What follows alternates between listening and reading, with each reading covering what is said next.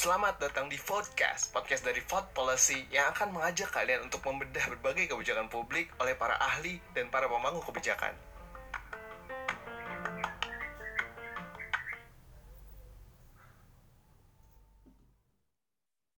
Kita mulai ya Pak ya.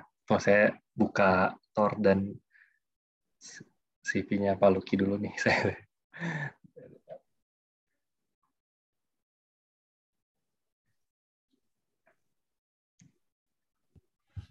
Oke, okay.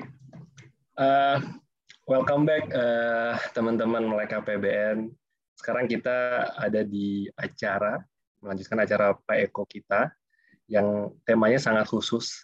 Kita udah tahu kayak dua dan tiga minggu belakangan, uh, yang sering dibicarakan di media sosial dan juga mungkin sama teman-teman mereka PBN lainnya adalah perang antara Rusia dan Ukraina.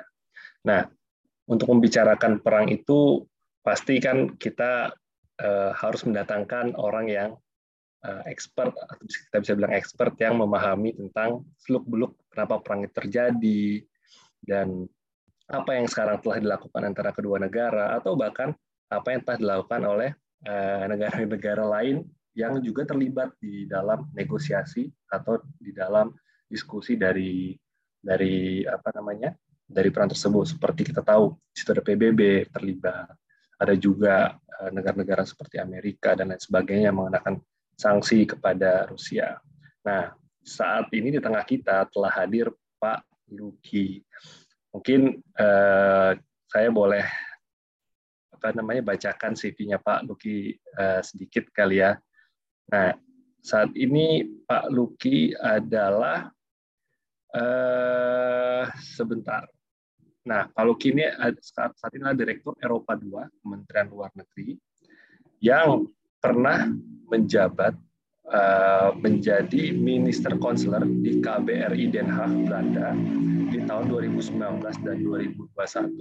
Sebelumnya, beliau juga Kepala Bagian Umum Biro Dukungan Strategis Pimpinan atau BDSP 2017-2018 di Kementerian Luar Negeri. Dan sebelumnya, beliau juga pernah nih ini yang sangat menarik nih menurut saya. Konselor politik di KBRI Moskow Rusia. Untung belum perang itu ya Pak ya. Jadi masih masih selamat sekarang alhamdulillah ya Pak, belum kena perang. Nah, sekarang saya dan Ana eh, teman saya eh, sebagai host hari ini spesial nih untuk menyambut Pak Luki eh, untuk membawakan apa namanya mengedukasi kita, memberikan kita insights terkait apa sih yang saat ini terjadi dan dan mungkin apa sih seluk beluk atau latar belakang terjadinya perang antara Rusia dan Ukraina. Mungkin Anda mau ditambahkan? Um, mungkin terima kasih dulu kepada Pak uh, Winardi Lukia yang sudah hadir malam ini. Kita tadi kayaknya udah cukup pembukaan dari Mehdi ya latar belakangnya seperti apa. Uh, mulai dari 24 Februari kemarin um, Rusia melakukan operasi militer ya ke Ukraina. Um, mungkin dari teman-teman Pak Eko di sini, teman-teman melek APBN punya concern tersendiri nih terhadap um, apa namanya dampak dari perang atau konflik dari Rusia dan Ukraina ini um, ke Indonesia, ke ekonomi Indonesia mungkin. Nah, mungkin sebelum diskusi lebih jauh, Pak Luki bisa ceritakan dulu, Pak, apa sih yang kita tuh nggak tahu? Mungkin ada beberapa teman yang nggak tahu ya, apa sih latar belakang dari konflik ini sebenarnya? Kemudian um, Eh, apa sih yang diinginkan gitu dari dari Rusia uh, menyerang Ukraina ini, Pak? Oke, uh, langsung aja ini. Ya, Pak. Ya, oke. Monggo, Pak. Terima kasih uh, uh, Mas Medi, Mbak Nana atas undangannya. Terima kasih kepada Pod, uh, Policy juga untuk apa bisa mengarrange mengarrange uh, podcast ini jadi sangat bagus lah untuk apa untuk kita sharing sharing informasi ya. Oke, ini apa uh, mengenai konflik Rusia Ukraina ini sesuatu yang kompleks ya. Kita istilahnya ini kompleks, nggak simpel, nggak hitam putih ya. Itu ada abu-abunya, ada merah mudanya, ada merah tuanya. Jadi kalau boleh ya, kalau boleh saya nggak akan jauh-jauh lah, nggak akan jauh-jauh ke zaman SAR, SAR apa Rusia dulu itu sampai banyak negara negaranya itu terlalu terlalu apa historis lah sekarang saya mungkin dari tahun 2000-an saja ya, dari tahun 2013. Kalau kita melihat melihat uh, apa konflik ini sekarang, setidaknya bisa kita lihat dari empat uh, faktor ya, empat faktor. Pertama faktor pemicu ya, trigger. Kedua faktor akar permasalahannya atau pivotal ya. Yang kedua ada akar penggeraknya, mobilizing factor. Lalu ada faktor yang memperburuk situasi atau aggravating factor. Uh, nah untuk yang pertama nih untuk pemicunya nih, triggernya, yang triggernya itu uh, kalau mungkin teman-teman uh, ingat ya waktu sekitar tahun 2013 itu ada apa uh, pemimpinan di di mana di Ukraine saat itu ada yang namanya Presiden Yanu, Yanukovych ya. Yanukovych itu apa saat saat itu Viktor Yanukovych itu tidak bersedia untuk menandatangani perjanjian stabilisasi dan asosiasi dengan uh, Uni Eropa. Dengan Uni Eropa itu meninggal uh, menjadikan ada demonstrasi Euromaidan. Pernah dengar nggak Euromaidan yang ada jadi ada center tuh di kota Kiev yang ada ada monumennya, ada monumennya itu jadi ramai saat itu. Demonstran itu pada stay di sana berapa lama dan di sana terjadi terjadi kerusuhan.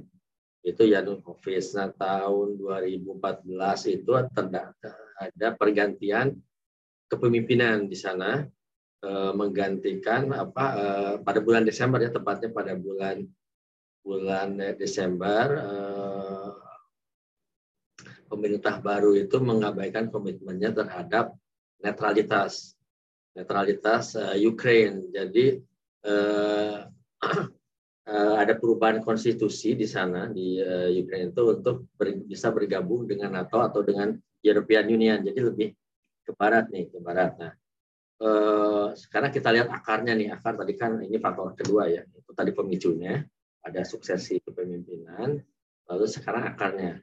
Nah, akarnya itu eh, dimulai saat eh, pemerintahan di Rusia itu eh, Presiden Vladimir Putin ya, yang anti ini lah anti kemapanan, bukan anti kemapanan, dia anti anti sistem internasional saat ini ya. Dia dia kritis kritis terhadap sistem internasional saat ini. Jadi menganggap bahwa Barat itu masih masih memiliki mentalitas perang dingin kalau teman-teman apa familiar dengan istilah perang dingin zaman dulu antara NATO dengan fakta Warsawa antara blok barat dengan blok timur nah itu masih ada gitu mentalitas itu menurut Putin eh, dan eh, negara Rusia ini memang negara besar ya dulu itu pimpinannya blok timur itu ya Rusia Uni Soviet lah dulu Uni Soviet nah sekarang Rusia itu tidak mau didikte oleh Barat jadi intinya itu itu eh, akar permasalahannya di sana jadi ada ada pergulatan ideologi politik strategis itu di sana ya barat dengan timur. Nah, lalu ada mobilizing faktor nih. Sekarang kita faktor ketiga ya. Uh, waktu itu ada apa? Uh, memang memang uh, yang menggerakkan Euromaidan itu demonstran itu adalah yaitu uh, pihak uh, negara uh, uh, Barat ya, negara-negara Barat. Jadi kelompok uh, oposisi uh, itu di sana uh, uh, cukup melakukan uh, perlawanan perlawanan sehingga si apa si eh, presidennya lari ke ke Rusia karena saat itu memang dia mesti escape mesti selamat menyelamatkan dirinya. Dia lari ke ke mana eh, ke Rusia itu di ini mobilisasi mobilizing faktornya ini. Itu yang menggerakkan uh, Euromaidan jadi semakin membesar. Nah sekarang aggravating factor jadi yang memperburuk apa nih? Ini ini faktor terakhir ya. Uh, karena waktu saat itu pemerintahannya itu tidak tidak berdaya ya menghadapi apa demonstran itu. Uh, jadi dan ada apa uh, cap negatif karena pemerintahannya yang korup dan lain-lain. Uh, jadi uh, apa uh, kebetulan saat yang bersamaan ada ada di bagian timur Rusia itu. Bagian timur ya sekarang kan lagi ramai itu ada dua republik Luhansk dan Donetsk. Nama wilayah itu Donbas. Nah itu eh, kebanyakan itu adalah eh, etnis Rusia, etnis Rusia. Nah saat yang bersamaan juga itu eh, lucunya dari ada ada satu apa wilayah namanya Crimea. Crimea mungkin pernah dengar ya. Tahun 2014 itu masyarakatnya itu melihat melihat bahwa ini sudah sudah nggak nggak stabil nih di wilayah timur jadi dia mengadakan referendum, mereka mengadakan referendum. Dan 96 persennya itu memilih bergabung dengan Rusia. Jadi ini ini paralel ya kejadian ini ya kejadian di wilayah timur eh, mana eh, Ukraine dengan dengan tadi pergolakan politik di Kiev di, di Ukraina sendiri. Jadi ini dua ini yaitu apa eh, terjadi secara hampir hampir bersamaan. Uh, akhirnya uh, sesudah referendum itu, uh, nah ini nih sekarang ada peristilahan kalau media barat itu menyebutnya Rusia menganeksasi Crimea tahun 2014. Sementara Rusia itu menganggap bahwa Crimea itu dulunya adalah wilayah Rusia. Jadi Rusia itu lebih suka menggunakan istilah reunifikasi Crimea daripada aneksasi-aneksasi itu oleh media barat disebutnya sebagai uh, apa, aneksasi ya. Nah, Crimea, Crimea itu tidak berhenti sampai itu saja. Tadi kan ada dua dua wilayah tuh eh, Donetsk dan Lugansk. Nah itu sampai sekarang itu masih masih eh, bergejolak karena itu tadi apa ada ada kepentingan uh, dari keamanannya Rusia sama karena etnisitinya ya di sana banyak kebanyakan warga beretnis Rusia dan bahkan memiliki paspor paspor Rusia untuk apa? Untuk untuk konflik di Donbas ini yang di Donbas ini uh, ini merupakan isu utama sebenarnya. Jadi kalau lihat teman-temannya dari secara geografis di wilayah timur lalu berbatasan langsung dengan Rusia. Nah Rusia itu kan uh, karena sangat concern dengan masalah uh, keamanannya dia tidak bisa membiarkan Donbas ini sebagai buffer. Buffer itu apa ya buffer itu penyangga daerah penyangga penyangga Rusia dengan kekuatan Barat di Ukraine. Jadi Donbas, Luhansk itu jadi jadi buffer, jadi penyangga. Jangan sampai berhadapan langsung gitu. Jadi ini mesti mesti diamani nih sama siapa sama sama Rusia. E, dan batas ini, batas politis, batas keamanan itu merupakan red line.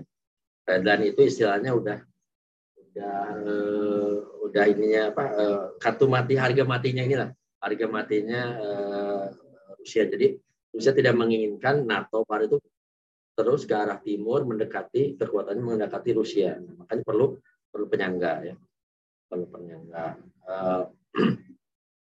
Nah sebenarnya pada apa pada pada saat pembubaran Uni Soviet tahun 91 uh, telah ada komitmen sebenarnya dari NATO dan apa negara-negara Barat ya bahwa uh, NATO itu tidak akan diperluas, tidak akan diperluas ke Ukraine karena itu mendekati mendekati apa uh, Rusia ya. Jadi mereka itu berkomitmen cuma dengar-dengar sih itu komitmennya tidak tertulis.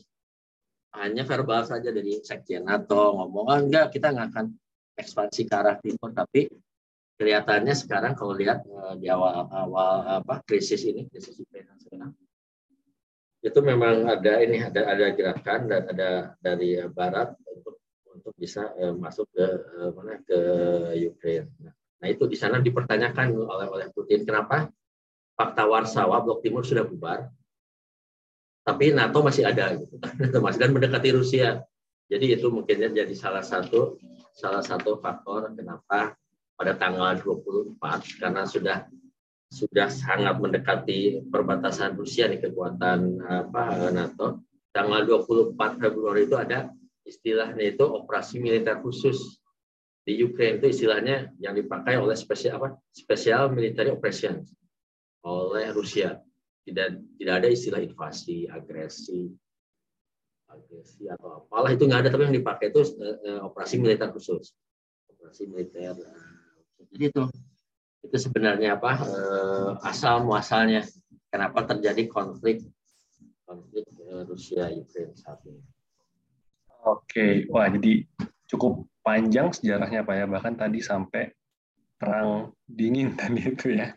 ya. Sebenarnya masih panjang sampai sekarang, tapi pecahnya nih kalau bisa dibilang sekarang Pak ya. Tadi tadi Pak Pak Luki juga sebutkan 2014 kalau mereka sudah ibarat sudah bersih tegang gara-gara Crimea, tapi sekarang nih 2002 dua itu pecahnya gitu ya Pak ya. Berarti ada banyak faktor, tapi uh, kalau saya bisa tadi menyimpulkan benar apa enggak nih Pak? Itu karena Rusia mungkin merasa uh, ada atau mungkin saya salah juga terancam atau ada kedekatan tersendiri uh, Ukraina dengan mungkin uh, blok Barat gitu ya Pak ya tarik menarik itu ya dan di mana lagi tadi Pak Pak Luki juga menekankan ada daerah-daerah yang sebenarnya nih Rusia bilang wah ini sih punya saya ini gitu kasarnya gitu ya ini sih tadi pakai bahasa reunifikasi gitu ya bahasa mereka itu ini harus ibaratnya uh, jangan sampai ini diambil sama yang sebelah sana seperti itu itu berarti pecahnya tuh gara-gara itu Pak ada ketegangan politik antara ya blok barat dan timur itu. Jadi macam-macam sebenarnya sebenarnya macam-macam ya. Jadi kita tinggal eh, kita diberikan jadi kita diberikan diberikan informasi seperti itu kita tinggal menafsirkan saja. Jadi tafsirannya itu dari dari Rusia itu adalah pertama apa eh, wilayah timur ini eh, istilahnya dulunya adalah wilayah Rusia dan masyarakat yang etnis Rusia itu menurut uh, Rusia apa, uh, di, apa, di, diperlakukan tidak adil lah, tidak adil oleh Ukraine yang timur ini. Juga berargumentasi bahwa kekuatan apa NATO sudah mendekati ke Rusia. Jadi jadi itu merupakan justifikasi, menjadikan justifikasi oleh Rusia saat ini untuk mengadakan operasi militer khusus itu. Jadi silakan saja ditafsirkan apakah itu benar atau tidak tapi itu adalah apa informasi yang kita uh, peroleh hingga saat ini seperti itu. Motif di balik itu mungkin ada yang lainnya, tapi yang di permukaan itu seperti itu. Ya, ya betul. Mungkin Nana ada yang mau ditanyakan? Um, ya Pak, tadi kan Bapak udah mention juga uh, tentang kalau kita bicara tentang konflik ini tidak terlepas ya dari keinginan Ukraina itu untuk bergabung dengan NATO dan juga Uni Eropa. Terus saat ini NATO tuh udah jelas Pak posisinya ya, sepertinya dia tidak mau terlibat uh, lebih jauh di konflik ini, tapi um, mereka memberikan banyak sanksi-sanksi nih. Uh, jadi pukulannya tuh pukulan dari sisi ekonomi ya Pak ya, kalau kita lihat. Tapi uh, apa ya? seberapa besar sih kemungkinan NATO itu akan terlibat lebih jauh uh, pada konflik ini? Kan kita tuh lebih seremin nanti kalau misalnya ada eskalasi lebih jauh, ada penggunaan nuklir segala macam itu menurut Bapak yang Bapak lihat itu uh, seperti apa? NATO dan juga terutama negara-negara yang dekat-dekat situ ya Pak, uh, Eropa gitu misalnya. Gitu, Pak. Ya, memang kita tidak kita tidak tidak sampai jangan sampai terjadi lah NATO eh, apa ikut-ikut itu akan terjadi perang besar. Itu akan terjadi perang besar.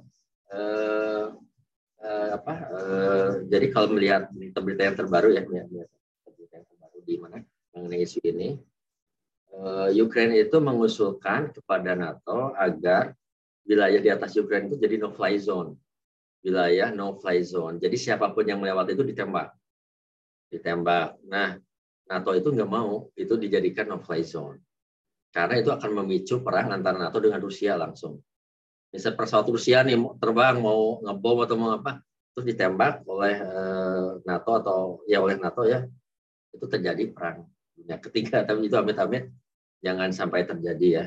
Nah, eh, lalu dari pihak eh, Ukraina sendiri, mungkin dengar juga berita-berita baru ini bahwa Zelensky, presiden Ukraina, sekarang udah kehilangan selera udah kehilangan selera untuk masuk menjadi anggota NATO. Karena kelihatan mungkin selama ini ya komitmen adalah cuman nggak terrealisir ya. Jadi jadi selera udah juga nah, udah capek juga gitu di, di PHP, PHP terus ya. Akhirnya udah dia uh, itu mungkin saat ini tidak masuk dalam opsi Zelensky untuk bisa uh, masuk menjadi anggota. Jadi uh, seperti itu. Uh, NATO juga kelihatan sangat berhati-hati ya tidak tidak mau tiba-tiba terlibat langsung dengan Rusia. Kalkulasinya mesti berjangka panjang, tidak bisa serta-merta mengikuti keinginan Ukraine, misalnya tadi untuk apa fly zone atau atau mem, memasok pasukan langsung gitu eh, NATO gitu pasukan NATO ke Ukraine itu iriskan sekali itu. Oke, jadi memang apa ya eh, NATO nggak bisa campur tangan besarnya gitu kayak takutnya akan ada eskalasi yang lebih lebih tinggi lagi ter terkait dengan perang ini. Kalau uh, kalau terkait dengan kan kita lihat ini ada dua minggu kalau nggak salah ya pak ya berjalan dua minggu uh, perangnya gitu ya. Dan kalau saya dulu kalau lihat di berita-berita melihat let's say perang yang lain misalnya Palestina dengan Israel gitu berharap wah ini kapan ya gencatan senjata gitu ya. Nah kalau dari selain penyelesaian konflik itu sendiri ya Pak, pasti kan nanti ada diskusi ya, diskusi, dialog dan lain sebagainya. Kalau melihat dari presiden yang saat ini terjadi, mungkin bisa dilihat dari apa yang terjadi di Palestina dan Israel. Itu mungkinkah terjadi apa adanya ceasefire gitu Pak dalam waktu dekat gitu ya dan nanti akan diikuti dengan diskusi dan dialog tadi antara kedua belah pihak. Ya, uh, memang semua berharap ya, semua berharap agar ini diselesaikan, isu apa, apa konflik ini diselesaikan secara damai ya, tanpa tembak menembak dan itu posisi kita juga, itu posisi pemerintah Indonesia agar konflik ini diselesaikan secara diplomatik, secara damai melalui meja perundingan. Itu mungkin kedengarannya itu idealis dan lain, tapi itu itu lebih baik maksudnya istilahnya dengan mendingan kita diskusi negosiasi selama 100 hari daripada perang satu hari. Gak apa-apa kita, ya itulah kerjanya di diplomat loh.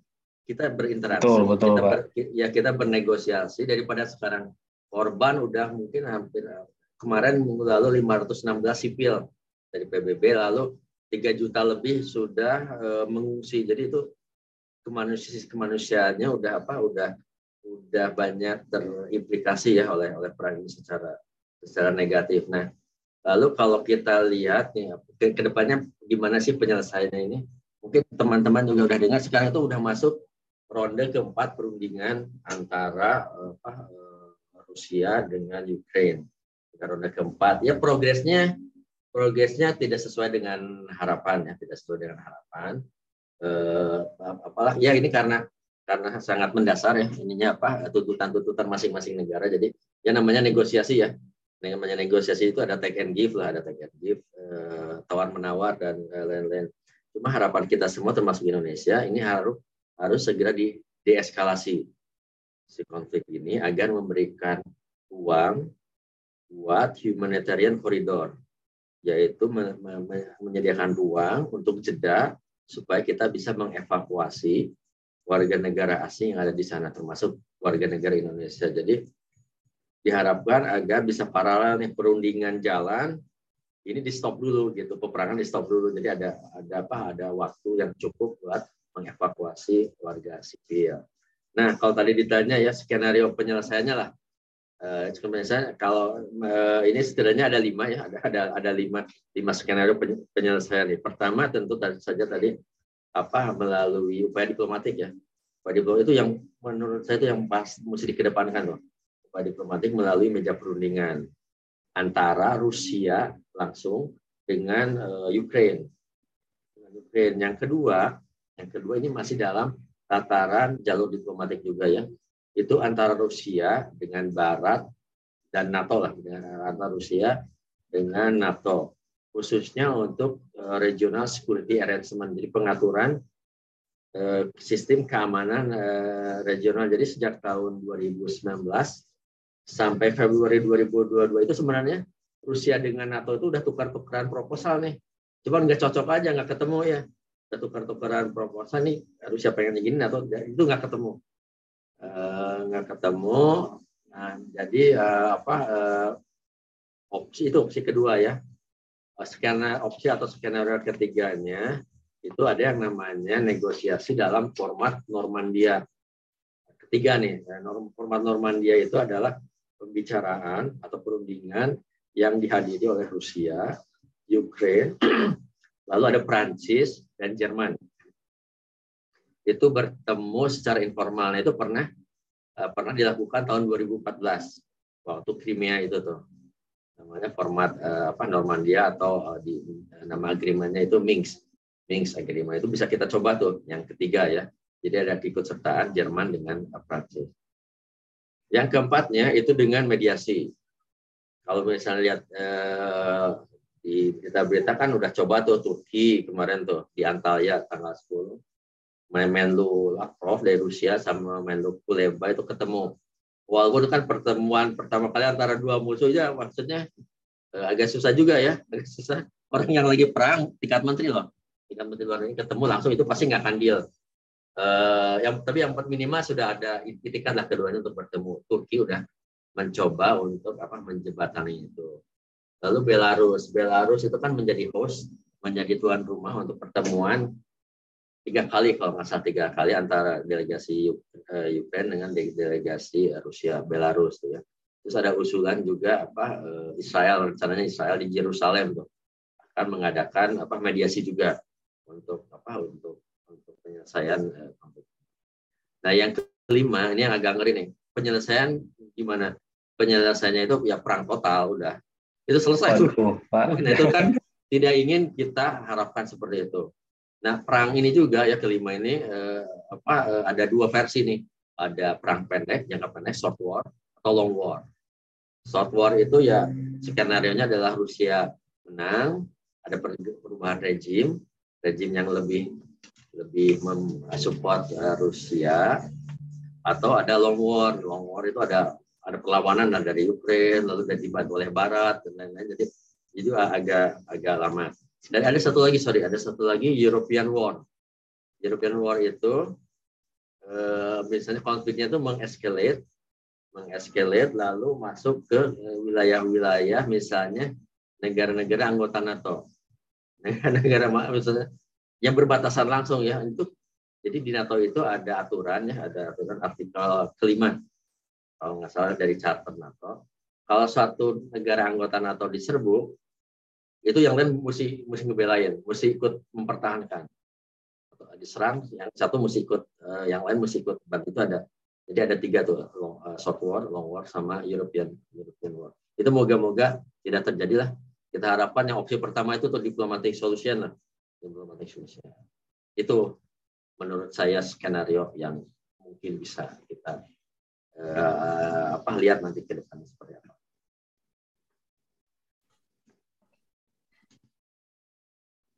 Oke, makasih banyak Pak jawabannya. Mungkin uh, aku boleh nanya lagi ya, Medi boleh boleh aku dulu yang nanya. Um, tadi Pak Luki udah cerita ya, Indonesia pun posisinya juga pengennya melihat um, konflik ini diselesaikan dengan dengan cepat, dengan tanpa konflik yang berkepanjangan seperti itu ya. Kita juga pengennya aman damai aja ya Pak. Tapi terkait nih dengan posisi Indonesia saat ini hmm, di presidensial G20 di mana Rusia kan juga termasuk ya di dalamnya ya Pak. Sebenarnya ada nggak sih Pak dari posisi Indonesia ini, uh, posisi politik luar negeri Indonesia ya, uh, langkah strategis yang ingin diambil Indonesia itu sebenarnya seperti apa? Dan kalau Bapak lihat, ada nggak sih opportunity dari sisi politik dan ekonomi yang bisa diambil Indonesia nih dalam dalam momentum ini seperti itu Pak?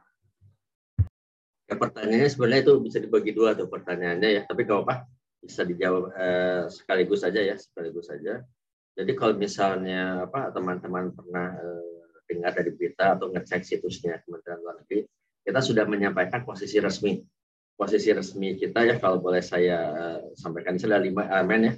Pertama itu kita eh, mendorong penghormatan terhadap prinsip piagam PBB dan hukum internasional. Itu yang pertama ya. Ter, eh, terkait dengan integritas wilayah dan kedaulatan. Itu posisi pertama. Yang keduanya eh, penghentian apa eh, sorry eh, bahwa stabilitas kawasan itu harus diutamakan karena perang apa pun itu akan membahayakan keselamatan masyarakat yang yang tidak ngerti lah masyarakat sipil itu yang kedua yang ketiga agar situasi ini dapat segera dihentikan dan semua pihak dapat menghentikan permusuhan dan menyelesaikan konflik ini secara damai. Itu yang ketiga. Lalu yang keempat kita mendorong PBB agar mengambil langkah nyata ya, mengambil langkah nyata untuk mencegah memburuknya situasi. Yang kelima, nah ini penting nih, prioritas kita. Prioritas kita itu adalah e, untuk menjaga keselamatan warga negara Indonesia yang ada di sana. Jadi ada apa? Ada lima elemen e, posisi resmi ya, posisi resmi kita di sana. Nah, tadi mengenai apa? E, G20 tadi disambungkan dengan G20 ya. G20 seperti yang teman-teman eh, ketahui juga kan itu sebenarnya forum multilateral untuk sek bidang keuangan dan ekonomi eh, dunia ya. Ekonomi dunia.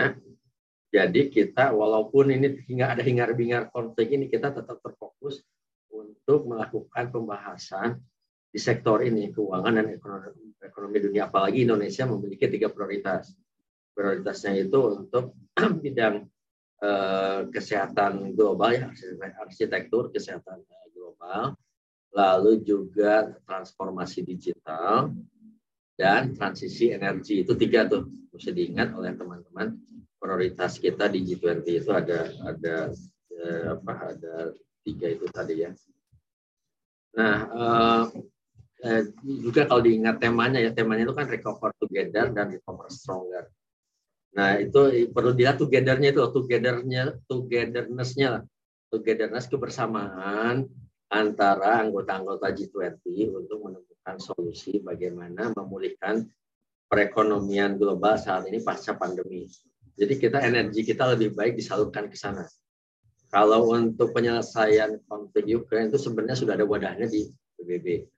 Sudah dibahas kemarin sampai tingkat sidang majelis uh, umum Nah, untuk di, di G20 ini apa eh, nanti memang itu eh, akan ada eh, semacam apa semacam tidak akan terisolir pasti ada aja. Yang membahas Ukraina itu ada ada saja itu nanti. Nggak mungkin itu apa steril dari isu-isu politik ya. Tapi kita tetap tadi apa berpegangan bahwa kepentingan bersama ya seluruh dunia khususnya anggota-anggota G20 untuk dapat menemukan solusi itu tadi itu solusi untuk pemulihan ekonomi eh, sesegera mungkin pasca eh, pandemi. Nah sekarang tadi apa opportunity ya ini sekaligus ya sekaligus dengan opportunity dari ya setiap krisis kan pasti ada peluang tuh pasti itu setiap krisis itu ada ada ada aja peluangnya itu. Jadi blessing pasti, ya blessing. Blessing in disguise itu namanya blessing in disguise. Jadi ada ada saja apa kalau kita cermat ya kita cermat dan cerdik melihat kesempatan itu ada saja yang pasti kan sekarang eh, eh, dampak yang pertama kita rasakan sejak perang ini tahun tanggal 24 itu adalah komoditi dunia ya harga migas naik lalu apa uh, minyak gandum lalu bahan mineral itu naik sekarang karena mereka itu Rusia dan apa Ukraina itu penghasil produk-produk tersebut. Nah, untuk apa? Untuk uh, untuk Indonesia ya untuk Indonesia. Kalau kita lihat opportunity ya uh, itu ada dua sebenarnya. Dari isu ini nih dari dari isu Ukraina pertama dari secara politis ya. Secara politis uh, karena kita tidak ngasih sanksi nih. Kita tidak ngasih sanksi ke mana? Ke Rusia maupun Ukraina jadi uh, profil kita itu dilihat sebagai negara yang bersahabat tetap bersahabat kita tidak memberikan sanksi apa pun kepada mereka berdua. Lalu Indonesia bisa menjadi jembatan jembatan antara mereka untuk mencari solusi.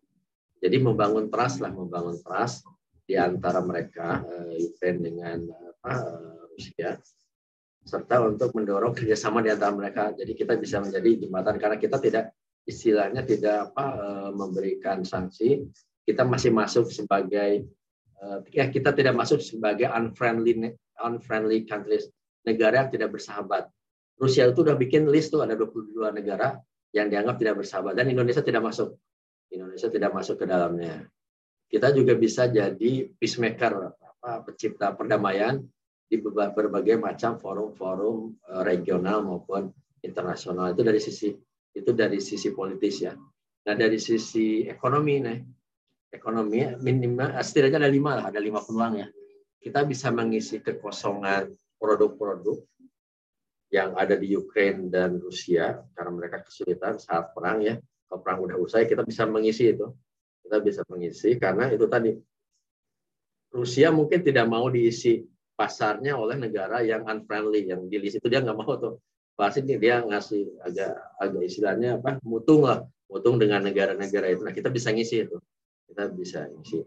Yang keduanya itu kan karena tadi itu kenaikan harga migas dan mineral, kita bisa masuk untuk menjadi secara jangka pendek ya eh, dengan kenaikan harga migas dan batu bara termasuk bata batu bara secara jangka pendek itu meningkatkan kinerja kita, kinerja ekspor. Pemasukan negara apa meningkat. Yang ketiganya, kita menjadi, bisa menjadi alternatif uh, pemasok dunia menggantikan Rusia dan Ukraina dalam uh, untuk komoditi misalnya minyak sawit. minyak sawit itu kan bisa menjadi substitusi untuk minyak biji bunga matahari ya di Eropa. Di Eropa itu kan biji bunga matahari mereka tidak tidak pakai minyak sawit. Nah sekarang ini bisa menggantikan minyak sawit Indonesia. Kita kan produsen yang eh, terbesar ya. Sekaligus itu juga memberikan posisi tawar. Karena selama ini apa eh, ekspor kita minyak kelapa sawit itu didiskriminasi oleh EU nah sekarang mereka mikir nih udah langka nih minyak sawit akhirnya bisa posisi tawar kita naik. Jadi uh, tidak didiskriminasi lagi. Batu bara berikutnya batu bara kita bisa mengisi kekosongan apa eh, batu bara pasaran batu bara.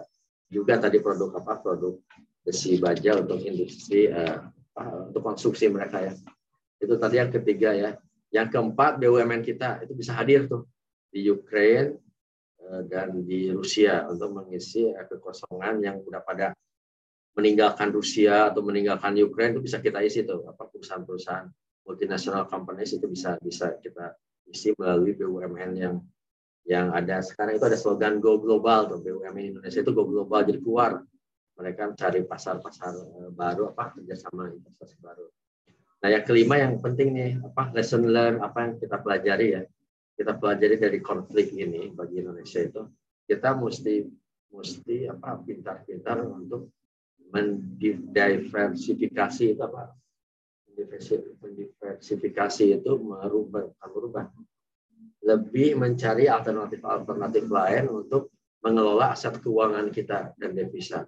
Sekarang misalnya kayak kayak Rusia, kan itu sekarang di blok tuh, di blok dia nggak bisa melakukan pembayaran secara online melalui Swiss apa Swift, lalu apa mata uangnya susah sekarang dipergunakan uh, juga apa uh, rentan terhadap sanksi itu ekonominya Rusia. Jadi itu sangat apa sangat sangat uh, memberikan pelajaran kepada kita. Kita harus kita harus cermat ya nanti untuk mengantisipasi sekiranya situasi itu dihadapi Indonesia. Jadi kita punya alternatif-alternatif lain lah misalnya untuk pembayaran pembayaran online melalui banking online kita tidak menggunakan hanya satu satu sistem saja.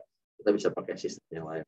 Untuk pembayaran kita tidak hanya menggunakan US dollar, tapi kita bisa pakai mata uang mitra kita, misalnya pakai ruble, pakai yuan Cina, atau pakai euro, atau jadi tidak berpatokan pada uh, dolar. Jadi itu lesson learn yang bisa kita apa, dapat dari konflik ini. Ada ininya juga, ada ada hikmahnya, istilah itu ada hikmahnya lah buat kita itu. Jadi kalau bisa kita ambil untungnya juga gitu ya Pak ya dari perang ini gitu ya Pak. Mungkin eh, pertanyaan terakhir nih Pak Luki karena apa namanya sudah larut juga nih eh, kita hampir 45 menit. Eh, tadi Pak Luki menyinggung tentang eh, kita prioritas utama pemerintah Indonesia pasti adalah melindungi masyarakat kita yang ada di Rusia dan juga di Ukraina gitu ya Pak. Mungkin bisa bisa cerita sedikit tentang perkembangannya soal itu. Yang pertama, kalau yang kedua Pak, pengen tahu juga nih Pak, apa namanya historis uh, hubungan Indonesia dan Rusia dan Indonesia dan Ukraina mungkin Pak. Itu seperti apa sih? Oke. Yang pertama mengenai apa warga negara Indonesia ya. Kita itu di sana yang tercatat, tercatat oleh eh, kedutaan besar kita di mana di, Kiev itu ada 165 eh, WNI di sana ya. Eh, Alhamdulillah yang sudah keluar nih, yang sudah kita berhasil evakuasi itu ada 124. Jadi yang tersisa itu ada 41 orang tuh sekarang di Ukraina ada 41 orang. Itu macam-macam ya. Karena alasan keamanan belum bisa dievakuasi. Ada juga yang nggak mau dievakuasi karena mereka punya keluarga di sana, jadi menikah dengan orang setempat. Itu ada tuh, jadi mereka nggak mau dievakuasi, mereka pengen tetap pengen tinggal di sana. Gitu. Kita tetap pengen. Cuman alhamdulillah pemerintah kita sigap tuh sigap mungkin hari keberapa tuh kalau lihat di berita-berita kita sudah berhasil mengevakuasi 80 orang tuh dalam uh, satu pesawat sekarang itu totalnya udah 124 yang kita berhasil evakuasi jadi tinggal uh, sisanya saja kan dan itu pun hasil koordinasi yang erat ya dengan dengan kementerian lain nih di mana di uh, dengan termasuk dengan TNI lalu dengan perwakilan-perwakilan kita yang berbatasan langsung di sana ya perwakilan dari mana eh, Polandia, ya, lalu dari Rusia, dari Rumania dan lain-lain. Jadi saling berkoordinasi ini kita pekerjaan bareng lah, pekerjaan bareng. Nah, lalu hubungan kita historis ya. Kalau historis itu uh, untuk tahun ini, tahun ini kita dengan Ukraina itu itu peringatan ke 30 tahun hubungan diplomatik kita dengan Ukraina itu kita sangat erat ya, sangat erat hubungan kita dengan uh, Ukraina dan Ukraina itu juga merupakan mitra terbesar ketiga di Eropa Timur uh, setelah Rusia dan Turki ya Rusia dan Turki. Nah, uh, Rusia itu mitra utama kita. Kalau misalnya zaman uh, Soekarno sejak dulu itu terkenal tuh. Kalau misalnya datang ke mana ke Saint Petersburg ya. Saint Petersburg itu kota wisata lah di Moskow. Itu ada yang namanya Masjid Soekarno. Ada namanya Masjid Soekarno di sana. Kita memanggilnya Masjid Soekarno dulu Presiden Soekarno untuk Saint Petersburg lalu meresmikan uh, apa uh, masjid itu. Jadi ini sangat dua-duanya ini sahabat kita ini. Dua-duanya sahabat kita, mitra utama kita. Jadi sangat disayangkan kalau sahabat kita berdua ini berkelahi. Jadi jadi kita ini pengen dua-duanya baik-baik saja, tidak dan apa eh, melanjutkan hubungan bilateralnya antara Indonesia, Rusia, Indonesia, Ukraina, Rusia, Ukraina seperti normal lagi. Itu sih sebenarnya. Jadi kalau secara historis kita memang sudah sangat lama ya dengan dengan apa dengan Rusia dan Oke Pak, terima kasih banyak nih sekali lagi udah um, berkenan mengisi 45 menitnya di malam yes, ini. Sama-sama. dengan kita, dengan teman-teman audiens dari Melek APBN dan juga uh, Fort Policy. Um, kita sama-sama berharap ya Pak konflik ini segera berakhir, tidak berkelanjutan lebih jauh, kemudian uh, apa namanya korban-korban juga tidak banyak berjatuhan. Mungkin kalau boleh titip pesan tadi Bapak kan ini Pak apa namanya berniat untuk mengisi opportunity pasarnya uh, minyak matahari di dari Ukraina dengan minyak sawitnya di dari Indonesia ya Pak, tapi jangan sampai bikin minyak goreng di, di Indonesia. Nah, iya, iya. masalah lain itu masalah lain lagi ya. Oh ya itu masalah Ya udah. Okay. Kalau gitu mungkin kita cukupkan saja diskusi malam ini. Ya. Medi, ada yang mau ditambahkan lagi? Ya mungkin nanti uh, thank you banget Pak Luki. Um, semoga kita bisa undang lagi Pak Luki sini. Ya. Cuma jangan pas perang aja kita undang ya Pak ya. Jadi perang ya, pas ada. lagi damai lah ya. Damai, lagi kita, damai, kita, ya. undang juga Pak. Ya boleh boleh boleh sip. Oke terima kasih Pak Luki. Uh, terima kasih juga. Salam sehat Pak. Sampai jumpa di kesempatan berikutnya. Sampai jumpa itu buat siapa? Uh, uh, Rehan. Rehan. Buat uh, Rehan, buat Mas Mendy, buat Mbak Nana juga ya. Makasih banyak ya. Terima kasih Pak. Salam sehat. Eh, nanti bagi linknya ya, bagi linknya kalau ada. Ya, Pak. Ya, Pak. Nanti kita share. Sip. Makasih ya. Terima kasih Pak.